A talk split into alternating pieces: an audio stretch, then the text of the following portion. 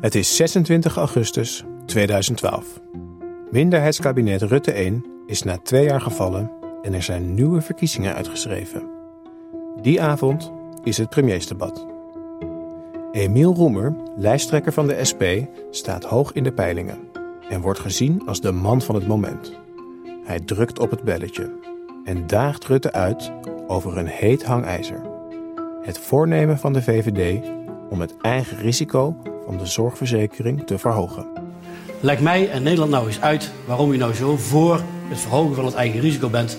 Dan leg ik daarna uit waarom ik dat een heel onverstandig idee vind. Ik ben niet voor het verhogen van het eigen risico.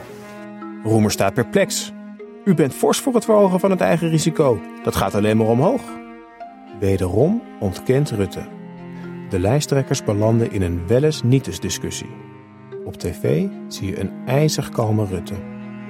Tegenover een stamelende en verontwaardigde Roemer. Zal ik zelf vertellen wat ik wil? vraagt Rutte op een gegeven moment. De VVD wil af van al die eigen betalingen. Dus dat zijn die lichtdagen en de eigen betalingen voor de GGZ. Na het debat concludeert de NRC factchecker dat Roemer het bij het rechte eind heeft. Rutte is inderdaad voor het verhogen van het eigen risico. Maar het is Roemer die begint te dalen in de peilingen. En op 21 september is het de VVD die er met de winst vandoor gaat.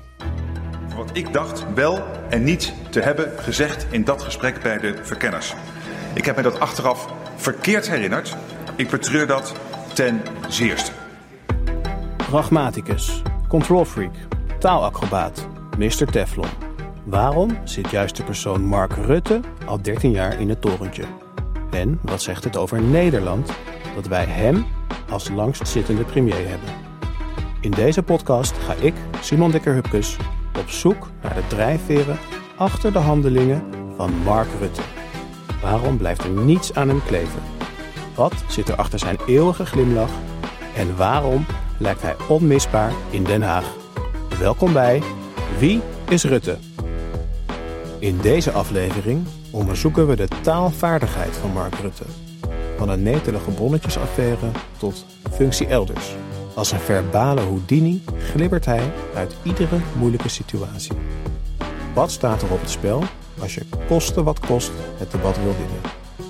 En wat hebben we als Nederland aan zo'n wendbare premier? Daarvoor spreek ik met Neerlandicus Robert Wicht, van wie onlangs het boek Supergaaf, de overtuigende taal van Mark Rutte is verschenen. Welkom, Robert. Dank je. Jij hebt dit debat tussen Roemer en Rutte, waarvan we net een stukje hebben gehoord, in je boek geanalyseerd. En die analyse die begon eigenlijk al met de titel Premiersdebat. Ja. Jij vindt dat een, een misleidend concept. Ja, dat klopt, want we kiezen geen premier in Nederland. We kiezen een kamersamenstelling.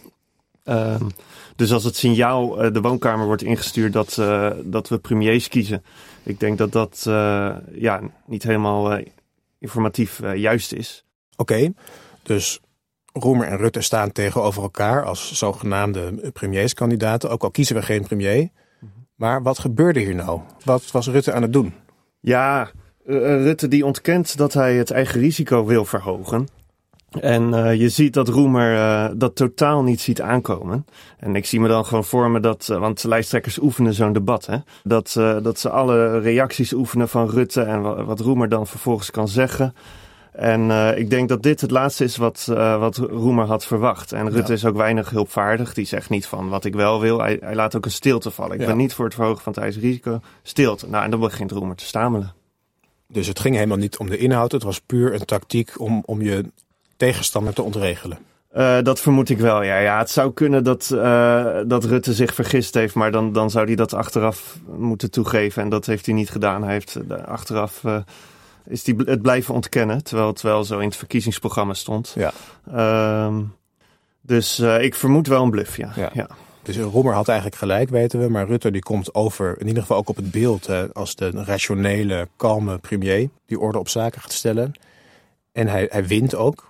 Ja, wat zegt ons dat over zo'n verkiezingsdebat? Is dat dan wel een, een, geschikt middel om, om onze keuze te bepalen? Ja, nou, ik denk dat het debat daar wel geschikt voor kan zijn hoor. Want, uh, maar je moet het gewoon strak inrichten en goed uh, leiden.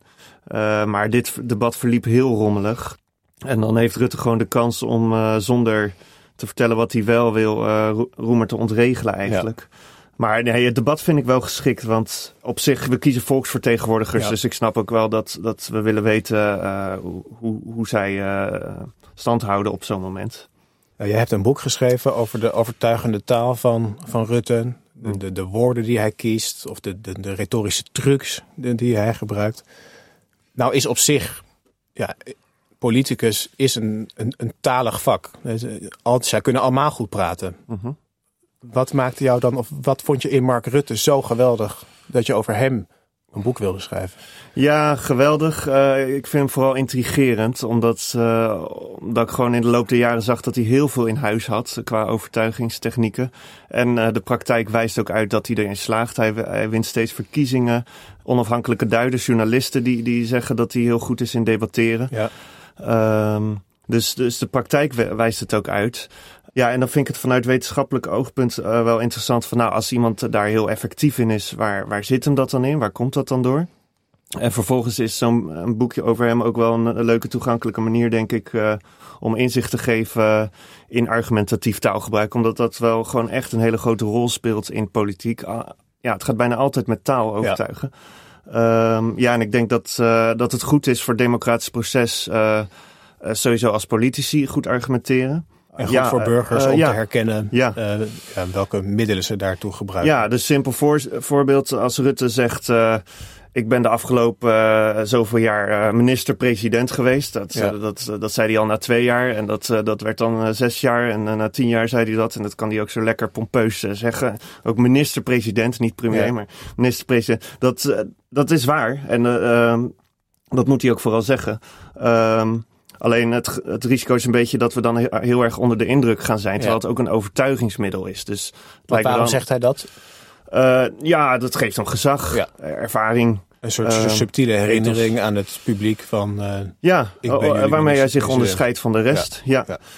Ehm, dus ehm, ik snap ook wel dat hij het zegt, want ehm, het is waar. Maar het, ik denk dat het ook wel goed is als mensen zich bewust zijn van dat soort overtuigingstechnieken, zodat je net wat kritischer een debat uh, kunt volgen. Ja. Daarvoor hebben we je ook uitgenodigd. Laten we er helemaal induiken. Uh, jij schrijft in je boek dat Rutte het debat als topsport benadert. Waaruit blijkt die topsportbenadering? Ja, um, dat zit hem, er zitten heel veel overeenkomsten tussen, tussen hoe, hoe Rutte debatteert en uh, topsport. Het is jarenlange training. op zijn zeventiende oefende hij al met zijn jeugdvriend Lodewijk Dekker interviews. Uh, dus hij is enorm getraind zoals uh, um, topsporters dat doen. Hij bereidt het ook heel erg goed voor. Uh, alsof het een wedstrijd is, uh, dat, dat merk je. Hij is ook heel erg bezig met zijn tegenstander ontregelen of het liefst uitschakelen. Ja. zoals je dat in sportwedstrijden kan zien. Ehm, hij verdiept zich er ook heel erg in. Ehm, hij kijkt naar zijn voorbeelden in Groot-Brittannië of Amerika. hij heeft er plezier in, wat denk ja. ik ook wel essentieel is in topsport. En dan heb je het eh, over zeg maar, de kunst van het, debatteren zelf. Dus los van de inhoud. Rutte vindt het, leuk, het debatteren. Ja, ja? Hij, hij, geniet ervan. Waar zie je dat, aan? Nou, je, je, ziet, je ziet hem soms wel glimlachen als hij een moeilijke vraag krijgt. Dan, dan zie je hem lachen van, ik weet al wat ik ga zeggen. Ja, de, ja hij, hij vindt het leuk. Hij, uh, hij schept er genoegen in. En uh, ik denk dat dat hem een voorsprong geeft op, uh, op tegenstanders. Want veel zitten in de politiek om iets te bereiken.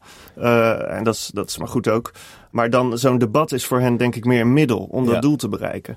En Rutte, eh, volgens mij beschouwt dat debat veel meer als doel op zichzelf, als, als elementair onderdeel van zijn werk. Omdat hij vindt dat dat erbij hoort. En als je dat ook leuk vindt, ik denk dat het je ook wel helpt om het zo lang vol te houden. Ja. Omdat, ja, het is uh, waar hij voor komt, dat debat. Ja. Nou, laten we even een onderscheid ook maken tussen zeg maar, verkiezingsdebatten en de debatten in de Tweede Kamer. Want die hebben natuurlijk een heel mhm. ander, ander karakter. Mm -hmm.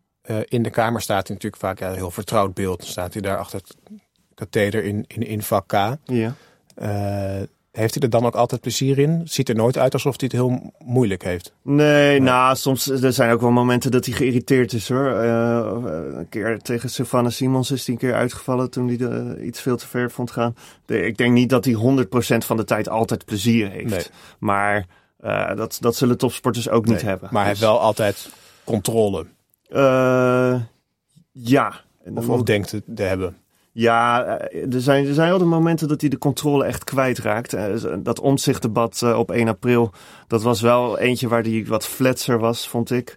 Uh, niet goed uit de verf kwam en uh, nou, duidelijk wel minder ontspannen was dan, uh, dan als je het vergelijkt met uh, die bonnetjesaffaire, die laatste met uh, Art van der Steur. Ja. ja. dan zie je gewoon duidelijk aan hem dat hij weet dat hij het gaat overleven. En dan, dan, is, er zit een bepaalde ontspanning in, volgens mij. En ja. dat had hij met het omzichtdebat niet. Uh, dus heeft hij altijd controle. Nee, vast niet 100% van de tijd, maar aanzienlijk meer dan, uh, dan menig ander. Als je ja. vergelijkt met eerdere premiers, uh, een Balkenende. Ik denk dat een Balkenende niet het omzichtdebat had overleefd. Nee. nee. Dus dat is wel echt... En uh, uh, historicus Henk de Velde zegt het ook in mijn in mijn boek dat geen premier in Nederland eigenlijk uh, zich zo onderscheidt door debat technisch zo goed te zijn. Dus ook een Wim Kok die had wel gezag, maar dat was niet per se een goede debater. Nee. Ruud Lubbers wat meer, maar dat was vooral door heel heel um, Lubriaanse vaag taalgebruik. dus Henk de Velde zei ook van je moet heel ver terug in de geschiedenis wil je zo'n goede technisch goede debater uh, als premier okay. willen zien bij, in Nederland. Ja. Ik vind het een mooi idee van de debatteren als topsport. En Mark Rutte als de Cristiano Ronaldo van, het, van het politieke bedrijf. Maar kleven er ook risico's aan, aan zo'n benadering? Ja, het is, een wedstrijd heeft natuurlijk ook regels en hij maakt wel eens uh, overtredingen ook. En soms zie je dat, uh, dat hij heel goed weet waar de grens ligt om, om te overleven in de politiek. En tot die grens, tot dat punt, doet hij alles. En ik denk dat dat wel tot een soort cynisme kan leiden bij mensen. Dat, dat mensen zich afvragen van oké, okay, maar als die grens ergens anders zou liggen, de, zou je dat dan ook nog doen? Maakt dan echt helemaal niets je nog uit? En dat zie je ook wel een beetje in het publieke debat. Dat mensen zich dat volgens mij bij hem afvragen. Ja, dus kan het nog wel binnen de spelregels zijn, maar dan wordt het wel ook een beetje spelbederf. Of, of minder mooi. Zo kun je het zeggen, ja. 17 april 2013. Rutte heeft tijdens de financiële crisis een oproep aan Nederland gedaan om ondanks die crisis een huis of auto te kopen, zodat de economie gestimuleerd wordt. Wilders vindt deze oproep bizar. Naar zijn idee hebben Nederlanders daar helemaal geen geld voor. Tijdens een debat over het sociaal akkoord vraagt hij Rutte ja, voorzitter, ik zou eigenlijk een heel eenvoudige vraag aan de minister-president willen stellen. En dat is, wat kost dat nou zo'n uh, flink stuk space cake? Nou, meneer Wilders, als ik zo uw haar zie, weet u er meer van dan ik. Maar vertelt u. De rest van het debat krijgt Rutte er flink van langs van de oppositie. Pechtold hekelt het jojo-beleid van het sociaal akkoord. GroenLinks-fractievoorzitter Bram van Ooyek stelt dat de voodoo-economie bezit heeft genomen van het torentje. Maar het is Rutte die viral gaat met zijn grap over het kapsel van Wilders. Ja, Robert. Uh, ik moet toch ook toegeven dat wij ook nu weer zitten te lachen om ja. deze uh, grap van, van Rutte. Wat is nou het effect van zo'n humor als wapen? Ja, dat, vers dat uh, kan verschillen, dat effect. Maar uh, ja, in dit geval is het ook een vraag die er natuurlijk voor is om, uh, om Rutte belachelijk te maken. Ja. Om hem neer te zetten. Want hij had uh, een beetje uh, te enthousiast gezegd van nou koop dat huis. En als we, als we nou toch die auto kopen, dan kunnen we dat ja. Centraal Planbureau verslaan. Ja. had hij tegen Ferry Mingelen gezegd. Ja, dus ik denk dat op zo'n vraag die, uh, die zo niet inhoudelijk is van Wilders, dat dit ook wel een hele goede manier is om, uh, om te reageren. Uh, en dat vind ik inderdaad zelf ook ontzettend grappig. Ja. ja. En, maar het, het, gevolg is dus ook dat het niet meer gaat over de, de inhoud. Het was inderdaad een beetje een raar voorstel van koop nou eens een auto. Ja. Uh, maar dat blijft hangen is... Uh, premier Rutte heeft de Wilders een, een streek geleverd. Uh, dat kan wel een gevolg ja. zijn van grappen, ja. Dat, dat mensen de inhoud van de boodschap vergeten. En dat vooral dat humoristische moment blijft hangen. En ik heb ook wel het idee dat Rutte soms, zeker bij algemene beschouwingen of zo... dan kijken er natuurlijk veel mensen dat hij ook wel naar op zoek is. Dat hij graag ja. wil dat, uh, dat er een grap wordt gemaakt. En dat als hij die kans ziet, dat hij uh, toeslaat. Ja. ja, dat is zeker in zijn voordeel. En uh, het creëert sfeer, welwillendheid. onder het publiek kan het creëren. Ja. Dus er is veel bij te winnen. Ja, nou, dat hoorden we ook. De hele Kamer was aan het, aan het meelachen. Um, Geert Wilders en Mark Rutte die kennen elkaar al heel lang. Zijn aan elkaar gewaagd. Mhm. Ook in de Tweede Kamer. Hoe zie jij hun relatie? Ja, het zijn allebei goede debaters. Uh, soms uh, ja, hebben ze elkaar ook wel nodig natuurlijk. Dat ze heel erg in verkiezingen met elkaar willen debatteren. Dan kan Wilders tegen de macht schoppen en, en Rutte kan presidentieel zijn. Ik denk dat Rutte ook wel echt een antwoord had op het retorisch optreden van Wilders. Want Wilders was natuurlijk al Kamerlid voor de PVV voordat Rutte premier was. En ehm, ja, veel hadden geen antwoord op Wilders, hè, op, nee. zijn, op zijn retorisch optreden. En uh, ik denk dat Rutte dat wel meer had. Bijvoorbeeld uh, met humor. Dat, dat, hij gewoon kan laten zien dat hij hem niet helemaal serieus ja. neemt. Want dat kan ook een effect zijn van humor. Uh, nou, hij had meer antwoorden op Wilders hoor. Bijvoorbeeld ja. dat hij de taal uh, van Wilders overnam. Waar, waar, je over kunt twisten wat je daarvan vindt. Ja, maar, wat, wat bedoel je precies?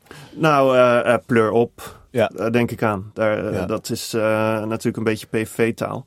Ehm, Pleur lekker uh, zelf op, die, die scène. nee, dat is. Doe eens Normaal, man. Oh, maar ja. Pleur op ging over uh, dat er... Tijdens zomergasten. Ja, ja, over die Turkse jongeren die, die, die oprotten in de camera hadden gezegd... en een journalist aan de kant schoven. En daar was Rutte woedend over. En toen zei hij... Lazer zelf op, zou ik zeggen. Pleur op, zou ik in plat Haags willen zeggen.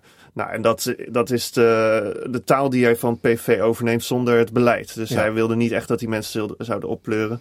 Maar hij neemt de taal over. Hebben wel graag gestoord. Um, ja. ja, wellicht. Dat is dan de taal die hij van PV heeft overgenomen, waardoor die Wilders ook weer kleiner wist te ja. maken. Ja. En dan doe normaal en dan antwoorden doe lekker zelf normaal is dan niet een heel sterke reactie. Nee, ik denk dat hij daar ook wel een beetje door ontregeld was. Uh, dat hij die niet zag aankomen. En uh, je, als je dat fragment terugkijkt, eerst begint hij een beetje te lachen. Ja. Uh, want dat is ook een reflex natuurlijk waar hij vaak voordeel bij heeft. En volgens mij gaandeweg uh, beseft hij van, nou, dit is toch iets te ernstig en je moet ik serieus op reageren. En dan zegt hij nog een keer, doe zelf normaal, maar dan, dan wat bozer. Maar ja, dat, dat, daar had hij wel een beter antwoord op ja. kunnen geven. Oké, okay, dus zelfs topsporter Mark Rutte, die, die maakt nog wel eens een klein foutje.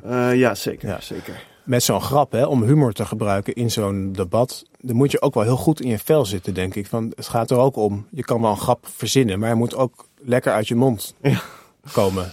Uh, ja, maar dat, dat, dat ligt hem ook goed, denk ik. En uh, dat zal ook zijn ervaring zijn. En dat hij gewoon uh, van, vanaf jongs af aan daarmee geoefend heeft. En ja, maar dat is natuurlijk ook een enorm talent en een enorme intuïtie. Soms zal, zal hij ze ook wel voorbereiden hoor.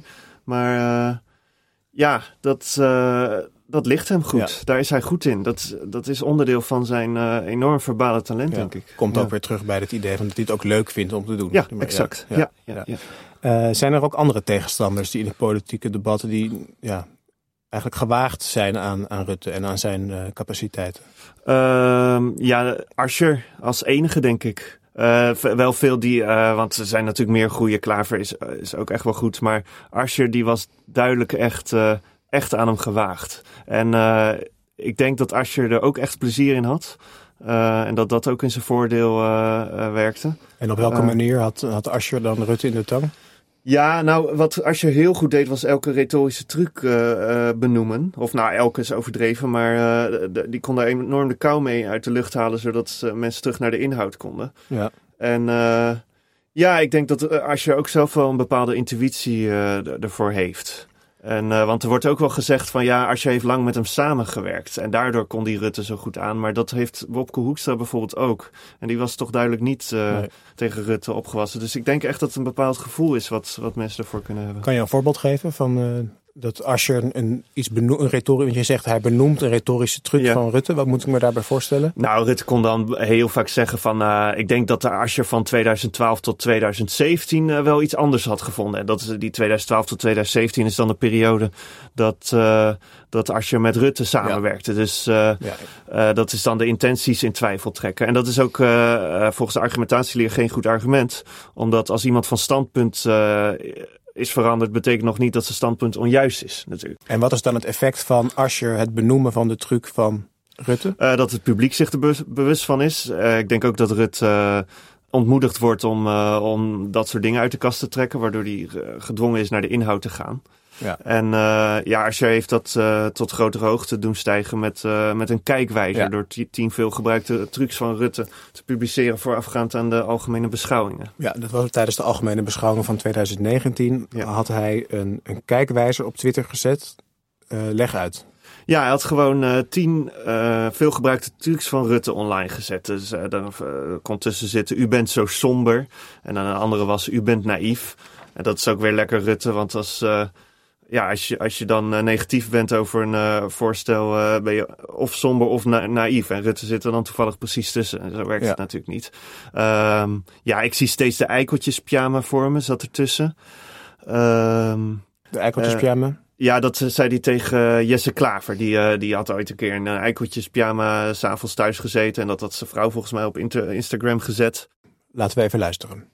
Bijvoorbeeld dat het PPL zegt, ja, nog niet alles is uitgewerkt. Precies, nog niet alles is uitgewerkt. Dat klopt. Dat moet het de komende jaren gebeuren. Uh...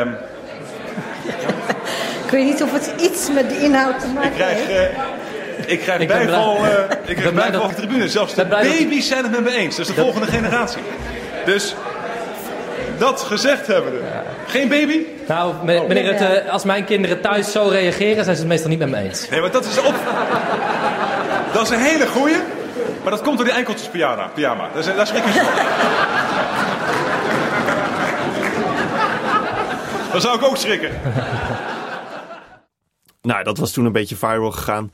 En uh, nou, dat heeft Rut uh, heel vaak benoemd, de eikeltjes Ja. En dat is natuurlijk ook een beetje ridiculiseren van ja. de tegenstander. Ja. En dat is dus de eerste keer heel grappig. En dan op een gegeven moment wordt het onderdeel van zijn repertoire. Ja. ja. En als je dit probeert door dat te benoemen, uh, de kijker daarvan bewust te maken. Ja, exact. Ja, um, of, of zelfs misschien hoopt hij dat dat Rutte die niet meer gebruikt. Want ja. je zei ook, ik heb hem gesproken voor mijn boek. Um, die zei van je hebt maar drie interrupties als, als Kamerlid. Um, dus als, als Rutte zo'n truc gebruikt, dan kun je zeggen van oké, okay, dit is nummer zoveel van de kijkwijzer. Kunnen we dan nu weer door naar de inhoud. Ja. ja. En Rutte is steeds bezig met, met gewoon te, te kijken hoe kan ik, welke zet kan ik nu doen? Ja. Uh, ook een soort schaakspel. Ook een soort wat, schaakspel. Ja, wat ja, kan als, ik nu? Als ik ervoor kan zorgen dat jij je drie interrupties verspeelt. Ja. En dan hoef ik uiteindelijk geen antwoord te geven op een lastige, lastige En hij heeft volgens mij een heel groot arsenaal aan reacties ja. die hij opgedaan heeft in zijn ervaring. Of kijken naar uh, Groot-Brittannië of uh, Verenigde Staten. En ja, dat, dat is ook, hij heeft dat heel snel paraat. En als hij dan ja, hij is, hij is steeds aan het schakelen van wat kan ik nu zeggen, wat kan ik nu zeggen. Dat ja. zie je wel heel erg terug. Mooi. Ja. Uh, Rutte is ook heel goed in het benoemen van overeenkomsten met zijn ja. tegenstanders. Wat Zeker. is het idee achter die tactiek? Ja, dat kan ook weer wisselen. Nederland heeft ook wel een enorme consensuscultuur. Dus uh, dat, we veel, dat we rationeel debat voeren en, uh, en overeenstemmingen zoeken. Dat zit ook wel in de Nederlandse politieke cultuur. Uh, je kan welwillendheid ook weer creëren. Want oh, hij is het met me eens en uh, het verschil is toch minder groot dan ik dacht. En oppositie wil natuurlijk ook uh, het contrast duidelijk maken. Dus het verschil tussen, tussen de regering en, en, uh, en bijvoorbeeld SP of PV, Partij van de Arbeid. En als Rutte de hele tijd maar benoemt waar hij het ermee eens is, dan wordt het contrast ja. ook minder duidelijk. En dan heeft, ik denk dat de oppositie dan ook minder goed uit de verf komt in zo'n debat. En, en wat zegt hij dan allemaal om, om overeenkomsten te benadrukken? Ja, ik heb een heel stapel zinnetjes uh, in, mijn, in mijn boek verzameld. En uh, dat is dan maar een fractie van alles wat hij ooit gezegd heeft. Nou, maar, laat horen. Uh, bijvoorbeeld, ik kan de heer Van der Staaij geruststellen. Het antwoord is ja, punt. Of de, de heer Van der Staaij analyseert terecht dat Syrië inmiddels een zeer onoverzichtelijk theater is, punt. Volgende, ik ben dat zeer met de heer Van der Staaij eens, punt. Ik ben dat totaal met de heer Van der Staaij eens, punt. Met het eerste punt ben ik het zonder meer eens. Meer kunnen de heer Van Haarsma Buma en ik het niet eens worden. Ik ben het ook met de heer Wilders eens, en overigens ook met de heer Roemer, zoals ik net zei, dat er terechte zorgen leven bij mensen. Ik deel de analyse van de heer Roemer, volgende, want hij slaat de spijker op de kop. Punt. De heer Roemer en ik delen, denk ik, de passie om problemen op te lossen. De vraag is, hoe doe je dat? Nou, als je zo'n charme-offensief over je heen krijgt, is ja. het ook wel heel moeilijk om dan weer ja, gaan doen. Nee, als, als die het zo met je eens is, joh, wat, uh, wat, uh, wat heb je dan nog te interrumperen? Dan ben je een zuurpruim. En wie wint er dan? Vaak toch wel Rutte. 25 april 2018. Er vindt een acht uur durend Kamerdebat plaats over de memo's omtrent de dividendbelasting. De belasting over de winst van buitenlandse aandeelhouders die Mark Rutte per se wilde afschaffen.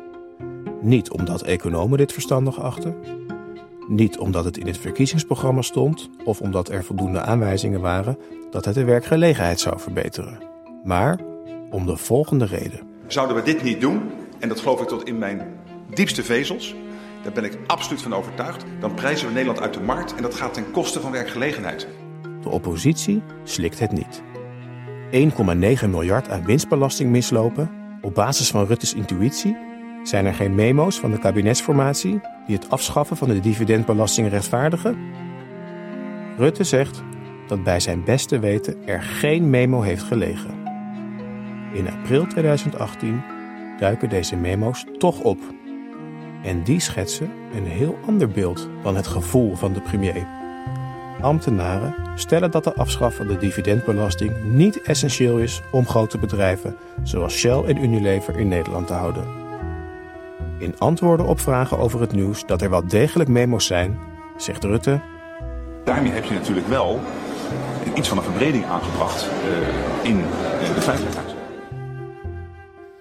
Robert, ja, je begint alweer te, bijna Ja. te lachen van, de, van, de- van dit citaat van Mark Rutte. Ik vind hem ook wel heel mooi. De verbreding aangebracht in de feitelijkheid. Eh, kan jij mij helpen wat, wat dat betekent? Nou, het komt er gewoon op neer dat hij zei: eh, Ik eh, denk niet dat er memo's zijn. Of naar mijn beste weten hij- heeft er geen memo gelegen. En ja, die blijken er wel. Ja, en ik vind het gewoon altijd heel grappig. Ik, zie- ik zie dan voor me dat hij in torentje zit na te denken: van nou, hoe kan ik dit nou eens managen? Nu, nu er toch allemaal memo's opduiken. En dat hij dan kiest voor een eh, constructie verbreding in de feitelijkheid. Ja. ik, ik- als, als, als hij een ton heeft eh, met, eh, met, eh, of, een, of een kist met verbale middelen, dan moet deze van heel diep komen, denk ik. Omdat het zo'n rare manier is om te zeggen dat wat je hebt gezegd niet klopt. Het is, Ja. ik vind het eh, komisch. Dat hij zo diep moet putten als zijn arsenaal. Dat duidt er ook op dat hij dus ernstig in de, in de problemen was op dat moment. Eh, het lukte hem eigenlijk niet om, om zich hieruit te redden. Nee, eh, ja, ik vind die dividendbelasting vind ik heel apart hoe dat gegaan is. Eh, hij had gewoon heel weinig onderbouwing voor die maatregel om Ja. die dividendbelasting af te schaffen. En ehm, nou, de, de oppositie die deed dat ook wel slim. Die vroeg, eh, zijn hier stukken over? Ligt hier eh, onderbouwing aan ten grondslag? Zijn er memo's? En toen heeft hij dus gereageerd met, naar mijn beste weten, eh, hebben er geen stukken gelegen. Nou, Ja. hij geeft dan ook een heel eh, lang en vaag antwoord over concludente stukken. Ik heb nog Ja. nooit van het woord concludent gehoord.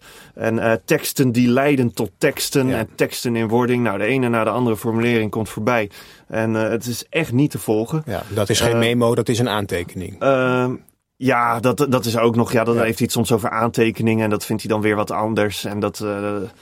Ja, dat is, het is bijna kinderachtig soms eigenlijk. Maar, ehm, ja, en toen waren er wat UvA-onderzoekers die, eh, die eh, een WOP-verzoek hadden gedaan. En toen bleken er wel memo's. Nou, en dan is de situatie dat, eh, dat hij daar geen herinnering heeft. Alleen Ja. één stuk herkent hij, maar dat vindt hij dan weer geen memo. Want dat is een VVD-stuk. En dan kan hij zeggen, dan kan hij als daar, want dan is iedereen boos. van, eh, omdat hij had gezegd, er heeft geen memo gelegen. En dan kan hij weer teruggrijpen naar een of ander vaag citaat van ja, maar ik heb wel gezegd dat de teksten in wording waren. Ja. En daar valt dat VVD-stuk over. Dus het is, je ziet door de boom het bos niet meer. En dat, dat kan natuurlijk ook tot wantrouwen en cynisme leiden. eh, Ja. Ja, want hij, hij moet gewoon zeggen: Ik weet niet of er memo's zijn. Dat Ja. moet hij zeggen. Maar hij zegt dan iets te veel. Ehm, en dan, eh, ja, dan blijken er wel memo's. En dan, dan heb je wantrouwen. Dan gaat het inmiddels eigenlijk meer over de vraag of Rutte de Kamer heeft voorgelogen, ja of nee. Eh, maar even terug naar het inhoudelijke argument voor de eh, voorgestelde dividendbelasting om die af te schaffen. Eh, daarvan zei hij iets heel merkwaardigs, namelijk hij voelde tot in het diepste van zijn vezels dat Nederland dit, dit nodig had. Dus eigenlijk een heel raar argument. Ja, hij, hij, hij vraagt eigenlijk de oppositie om erop te vertrouwen dat zijn persoonlijke inschatting klopt. Of dat van het kabinet. En eh, dat maakt die dividendbelasting, eh, dat debat daarover ook zo raar. Al vanaf de regeringsverklaring. Dus of hij had geen argumenten of hij wou ze niet geven. Eh, Petra de Koning zegt in haar boek ook dat ze die lobby eh, niet wil noemen. Dus komt hij inderdaad met argumenten als ik geloof tot, tot mijn diepste vezels dat dit nodig is voor de werkgelegenheid. En eh, we, moeten moeilijke maatregelen nemen. Dat is ook, eh, die, die zet hij ook vaker in. Ehm, ja, dus dat leidde natuurlijk bij de oppositie tot vragen. Dus eh, op zich snap ik wel dat ze vervolgens om memo's vroegen. Ja.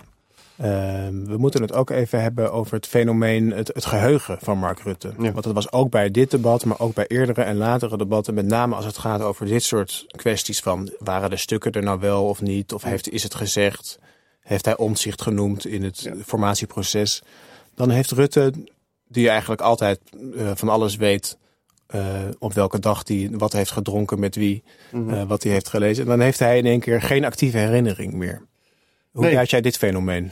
Ja, kijk, ik weet natuurlijk niet. Het, het, het is natuurlijk ook gewoon mogelijk dat hij dingen vergeten is. en, eh, en, ja. en pas als je daar bewijs voor hebt dat het niet zo is, pas dan kun je zeggen van niet. Maar het ongelukkige is, en dat zie je bij de dividendbelasting en dat zie je in het omzichtdebat, dat hij steeds net iets te veel zegt. Hè? Dus hij kan op dat soort momenten gewoon prima zeggen: Ik weet het niet meer. Maar hij zegt. eh, Volgens mij hebben er geen memo's gelegen. Of eh, ik heb het niet over omzicht gehad.